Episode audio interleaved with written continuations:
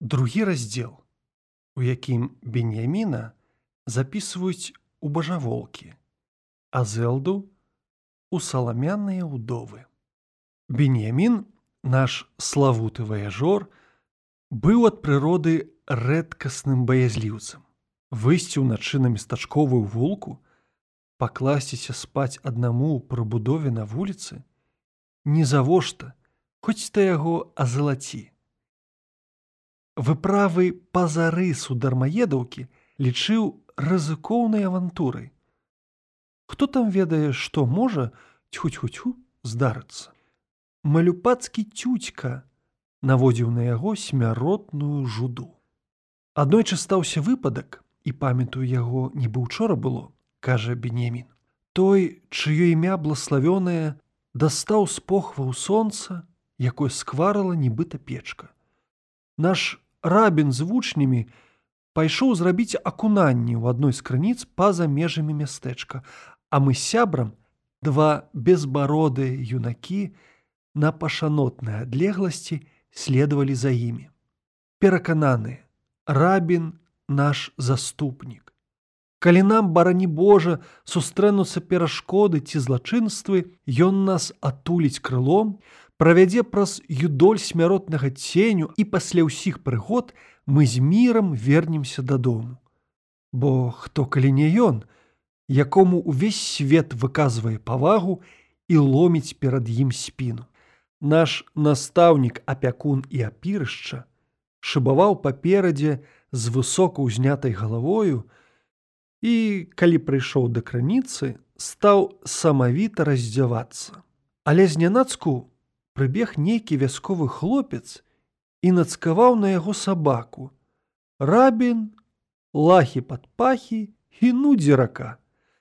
Правай рукой падтрымлівае прыспушчаныя порткі, у левай руцэ галаўны ўбор. І калі бацька паціснуў хвост, Дык уяўляеце, як нажахаліся мы ягоныя дзеткі. Калі на кручку трапечацца левіятан, Дык што казаць пра дробную плотку. Мы падпярэзалі нашы сцёгны і, не раўнуючы казулі ў момант пагрозы, прыпусцілі ў мястэчка, а наш настаўнік павадыр сярод нас. Вэрхал, пярэпалах, бягуць на пярэемы настрашаныя мужчыны і жанчыны, лямант, гвалт, гарым, абрабавалі, забілі, гармідар, Божа злітуйся. Пасля таго, як жаданне вырвацца, умацавалася беньяміну ў галаве, вырашыў ён упакорыць баязлівую натуру і утаймаваць страх. Прымушаў сябе ісці гуляць насупраць ночы. Наўмысна спаў у прыбудове адзін. Выходзіў па-за межы дармаедаўкі, хоць імгненна ўпадаў на сілы, а ягоны твар ад страху палатнеў. Новая лінія паводзін дома і на людзях, а таксама схуднела твар і ўсе гэтыя блуканні па-за мястэчкам і знікненні на колькі гадзін шмат каго ўразілі і сталі прадметам размоў. Некаторыя казалі: « здурнеў бенемін, так так, з'ехаў з глузду і абгрунтоўвалі. У яго заўжды не ставала клёпкі ў галаве. Быў ён такі сабе паўдурак. Аднак асабліва гэта праявілася цяпер у чэрвені. Цяпер у спёку з глузду з'язджаюць нават столаначальнікі. Дык што казаць пра нюмку, да таго ж існуе спаконвечная завядзёнка. У мястэчку павінныя быць свае мудрацы і свае вар'яты. Мудрацоў, як вы ведаеце, нам ужо напрызначалі але былі іншыя. Іх узначалі гаспадар Айзік Довід, сын Аарона Йосла, якія казалі: Хвілінку спадарства. І яшчэ адну. Беньямін сапраўды абух абухом і нават дурны як пень, але ж гэта не робіць з яго вар'ята. І чаму ён звар'яцеў менавіта цяпер, а не, скажам, раней, больш за тое самы час яму з'ехаць з глузду быў паза летась ці прынамсі летась, калі на вуліцы шалела сапраўднае пекла. Вось жа усё цячэ, усё сплывае, яскравы таму доказ наша рэчка. Як мы ведаем, год у год яна забірае па чалавеку, а вось бачыце, ужо два гады ніхто не тоне. Можна яе перайсці і ног не замачыць, таму пакіньце беняміну ў спакоі. Але былі і трэція. Да іх меркавання схіляліся жанчыны. Маўляў, усе гэтыя выбракі ясныя як дзень, бо зразумела, адкуль хвост расце, ды ясна, у якім кірунку капыты кіруюць, ды з кім чалавек знюхаўся. З ім, з люцыпарам. Вось чаму беньямін блукае ўначы сам адзін, Вось чаму знікае з вока на некалькі гадзін, Вось чаму ён спіць адзін у прыбудове на дварэ. Сама ж зэл даказала, што калі падысці да дзвярэй прабудовы, дык чуваць тупат і чыёсьці цоканне. Дыскусія з гэтай нагоды павандравала да запечкавага камітэта, а пасля да лазні у вярхоўны суд. Але і там не здолелі выпрацаваць маналітнай пазіцыі стасоўна беньяміна. На ўсялякі выпадак прызначылі адмысловую камісію, што складалася з паважаных людзей і пісарчука. Тая камісія мелася хадзіць ад хаты да хаты на ўсякую бяду правяраць наяўнасць мезузы, прыдзверныя дошчачкі з блаславеннямі, што служыць магутным абярагам супраць нячыстых сіл. Працу камісіі палічылі грамадсказначнай, якая можа паўплываць на лёс усёй дармаедаўкі, А з гэтыя прычыны пастанавілі, што для пакрыцця выдаткаў, звязаных з працай камісіі, трэба павысіць таксу на мяса. У нашай дармаедаўцы ёсць прымуўка. Што б людзі не абмяркоўвалі, гутарка павінна з'ехацца на тэму смерці. А калі нашы людзі прыйшлі на пахаванне, дык абавязкова закрануць тэму таксы на мяса. І гэта зразумела, ажно не патрабуе тлумачэння. Бо доля чалавека памерці, а лёс нашага чалавека плаціць таксу. Смерць і такса тыя рэчы, якіх не ўнікнеш. Такім сявышні ўжо стварыў гэты свет, А як стварыў, той добра, так і мусіць быць. Няма тут чаго гайдаць асноваў. Пытанне задаюць недаверкі, і ератыкі. Аднойчы здарыўся выпадак, які выставіў беньяміна ў пэўным арэоле. На схіле чэрвеня падчас дзённай спёкі выйшаў беньямін па-за рысу мястэчка і пакіраваў у лес. Прытуліўся там да дрэва і чытаў кнігі, якія заўжды пхаў за пазуху. Даў нырца у глыбокае здуменне. Аб чым паразважаць хапала. Думкамі беньямін выправіўся ў далёкія краіны, туды, проці ліха на ўзгорачку, на самы канец свету.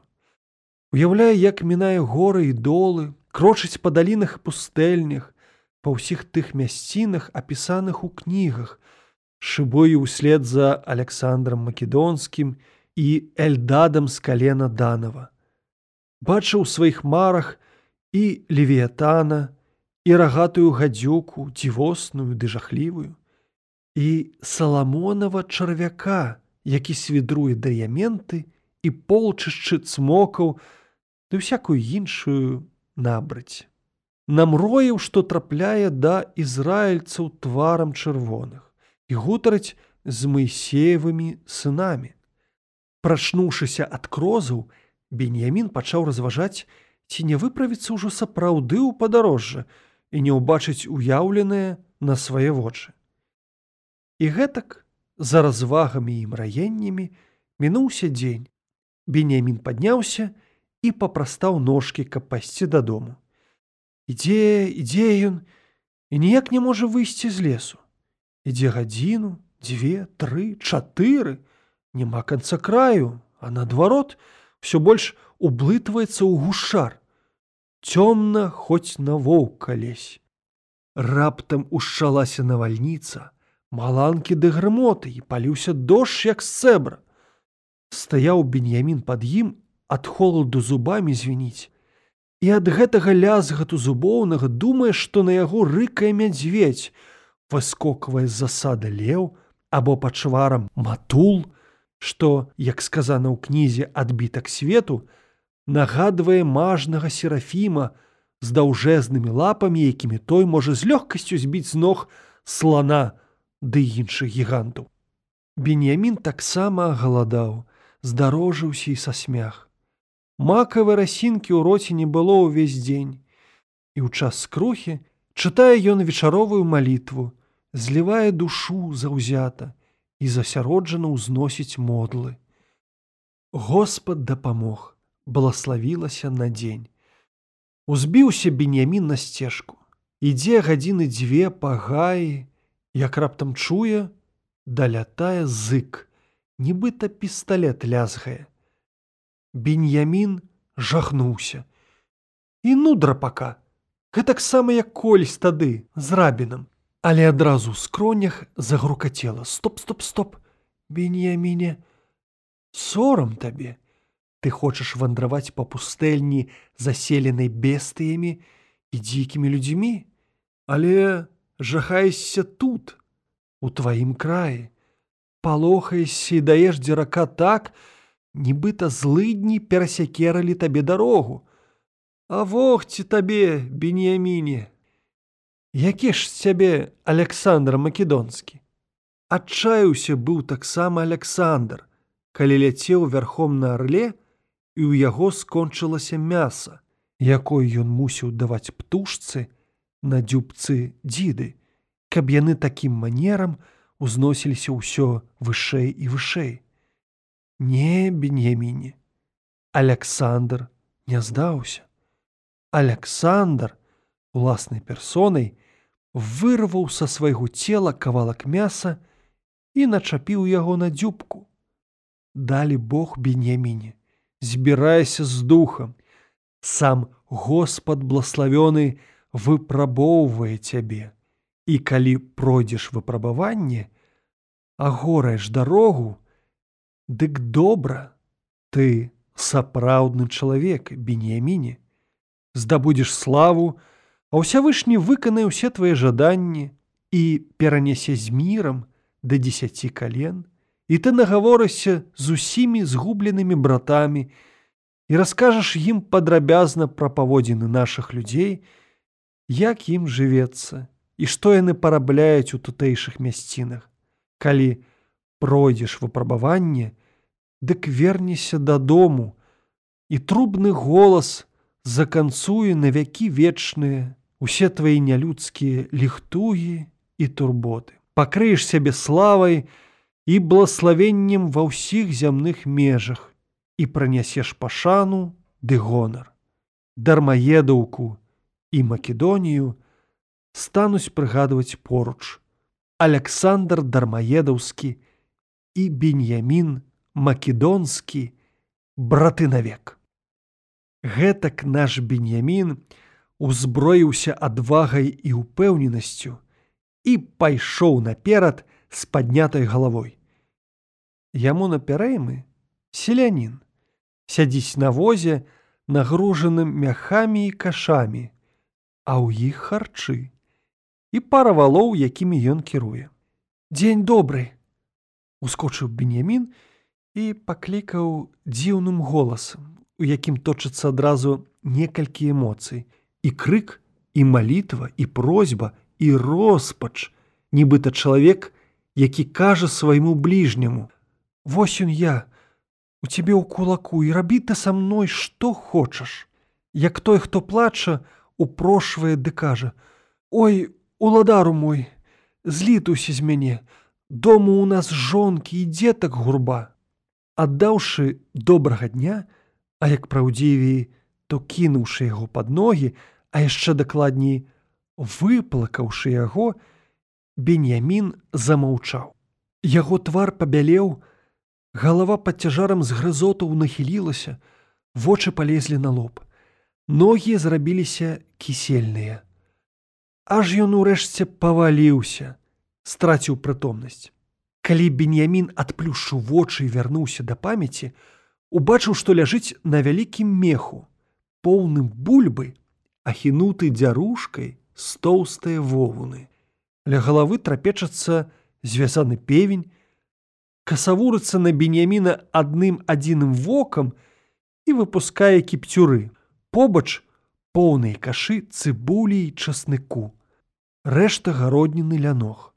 Выдае на тое, што таксама былі яйкі, бо асцёй салома лезлі ў вочы. Вясковец сядзіць са спакоем на месцы. У зубах люлька. Калі-нікалі падсцёбвае валоў і цокае языком. Цоп табе, гайда! Валы гультаявата перасоўваюцца дробнымі крокамі. Колы моцна грукацяць, кожнае на свой манер. Ды ўсе гэтыя гукі злучаюцца ў дзіўную сімфонію, што дзярэ вушы. Выдае на тое, мелодыя таксама не прыпала да душы пеўню, бо шторазу, як колы завяршалі абарот ланцужным рыпам, певень абураўся, і драпаў беньяміна кіпцюрамі. І пры гэтым так зласліва і гучна кукарэкаў, ажно некалькі хвілін рэха матлялася і скакала ў ягоным горле. Беньямін ляжыць збянтэжаны нейкі час. Колькі ўсякіх прыгод адбылося. Зведаў ён страх, голад, холод, ляжыць у возе, ды як наяве бачыць далёкія краі, як яго нібыта бяруць у палон бедуіны, а потым вязуць да аазіса, каб прадаць у няволю.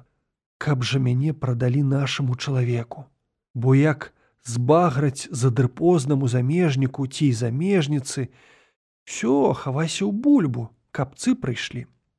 І успамінае гісторыю пра Язэпа егіпцяніна і фараона, пра то, як праца за мяжой стала рабствам і цяжка ўздыхае ад горычы і смутку. Вясковец павярнуўся да спадарожніка, што ляжыць і ўздыхае, напоўніўся літасці і спытаў па-беларуску: « Ну што, яўрэйчык, табе трошкі лепш. Беньямін занурыўся ў вялікую разгубленасць. Размаўляць на іншаземнай мове не ўмее, што рабіць, як адказаць суразмоўцу, як спраўдзіць у яго дарогу. Намагаецца сесці, не ўстане. Трошкі лепш зноў пытаецца яго вясковец і прысцёбвае валоў. Каб цябе, гайда! Дух мовазнаўства падаў у беняміне азнакі жыцця, і ён адкрыў рот. Лепш, хіба ногі, бобо. Кажучы гэта, паказаў на ногі і выгукам бо-бо намякнуў суразмоўцу, маўляў, баляць моцна. Адкуль ты, яўрэйчык, працягнуў суразмоўца. Адкуль ты, яўрэйчык, нараспеў паўтарыў бенемін так, нібы чытаў малітву ў сінагозе. Я нюмка, беньямка, дармаедаўка. Ты з дармаедаўкі, га? кажы что ты вытарашчыў на мяне вочы і глядзіш як шалёны можа ты праўда шалёны трасца тваёй мацеры? Гэта кажа вясковец гледзячы на беньяміна. А потым скіраваў твар на валоў і цока языком. Гайда пайшоў. Я табе ад пачатку казаці што я нюмка сам з дармаедаўкі. І раптам забалбатаў па-хананску. Гевалтоў дармаедаўка жонка табе зугаты дам чарке шліш кос ёш і халашабасову булкі добра гевальт дзенькуе табе. Цотхэн цотхэн то бок у дармаедаўцы паднялі гвалт мая жонка табе адшкадуе чарку гарэлкі то бок траціну шклянкі і суботнюю булку а таксама за ласку заслужыш паклоны і падзякі І, здаецца, вясковец зразумеў словы бенеміна. зробім як ты сказаў яўрэй усцешаны залагоджаны павярнуўся да валоў і стаў заложна сцябаць іх. Айда айда праз дзве гадзіны воз прыбыў на вуліцу пад ясныя вочы дармаедаўцаў. Іх сустрэлі мужчыны і жанчыны перакрыкваючы адно аднаго. Гэты гарлае. Чалавечы чуеш запеўню колькі хочаш а за цыбулю. А гэны голасна цікавіцца а за бульбу яйкі. І сярод верхалу нехта незнаёмы папытаў селяніна. Чуеш ці не бачыў ты мужчынку па дарозе аднаго нашага беньямку? Учора як цукор у вадзе растаў. І не паспеў вясковец задаволіць попыт і адказаць на пытанні, як на воз залезлі жанчыны. Паднялі дзярушку над мяхамі і давай галасіць. Ой, беньямін, Ён жа тут, цыпа крэйны. Башаве Брайндл, бяжыце хутчэй да зэлды і нясіце ёй добрую навіну. Яе прапажа знайшлася, муж яе тут, дзякуй Богу, не будзе больш гаротніца саламянай удавой. Шум і гармідар, дармаедаўка на вушах. Усе жыхары ад мала да стара лятуць, што ёсць змогі, каб сустрэць беньяміна. Закідалі пытаннямі і расказваюць, як шукалі яго са свечкамі учора ад вечара да ранку і ўжо не верылі, што вернецца. І што прылічылі яго да бажаволкаў, а яго гаротную жоначку, да саламяных удоваў. Жонка прапхнулася з плачам, раскрыла абдойму, убачыўшы свайго сужанца, які ляжыць як нябожчык і не варушыцца. Разгубленая, не ведае яна, што рабіць з мужам, ці то лаяць валацугу, ці то цешыцца шчасліваму ацаленню, бо мілажальны Господ у сваёй найвялікай літасці не пакінуў яе саламянай удавой. Праз нейкі час усім кагалам павялі бенеміна дадому. Ён па-ранейшаму ляжаў на меху бульбы, і ўсе местачкоўцы ад мала да стара ішлі на манер світы. Выказвалі вялікую павагу і выгуквалі: Бажаволак, бажаволак, бажаволак. Стуль, мянушка бажаволак прыляпілася да бенеміна. А саламяная ўдава да зэлды. У той жа дзень прыйшоў дармаедаўскі фельчар і заняўся лекаваннем гузакоў на руках, тузіны на бровах і макаўцы. Спрытна змыў кроў і пагаліў галаву. А выходзячы паабяцаў, калі схоча Господ усімагутны, хутка ачуняеш. Неўзабаве зможаш схадзіць да сінагогі і нават прачытаць падзяку, за хуткае выздараўленне. Пра ўваскрашэнне мёртвых.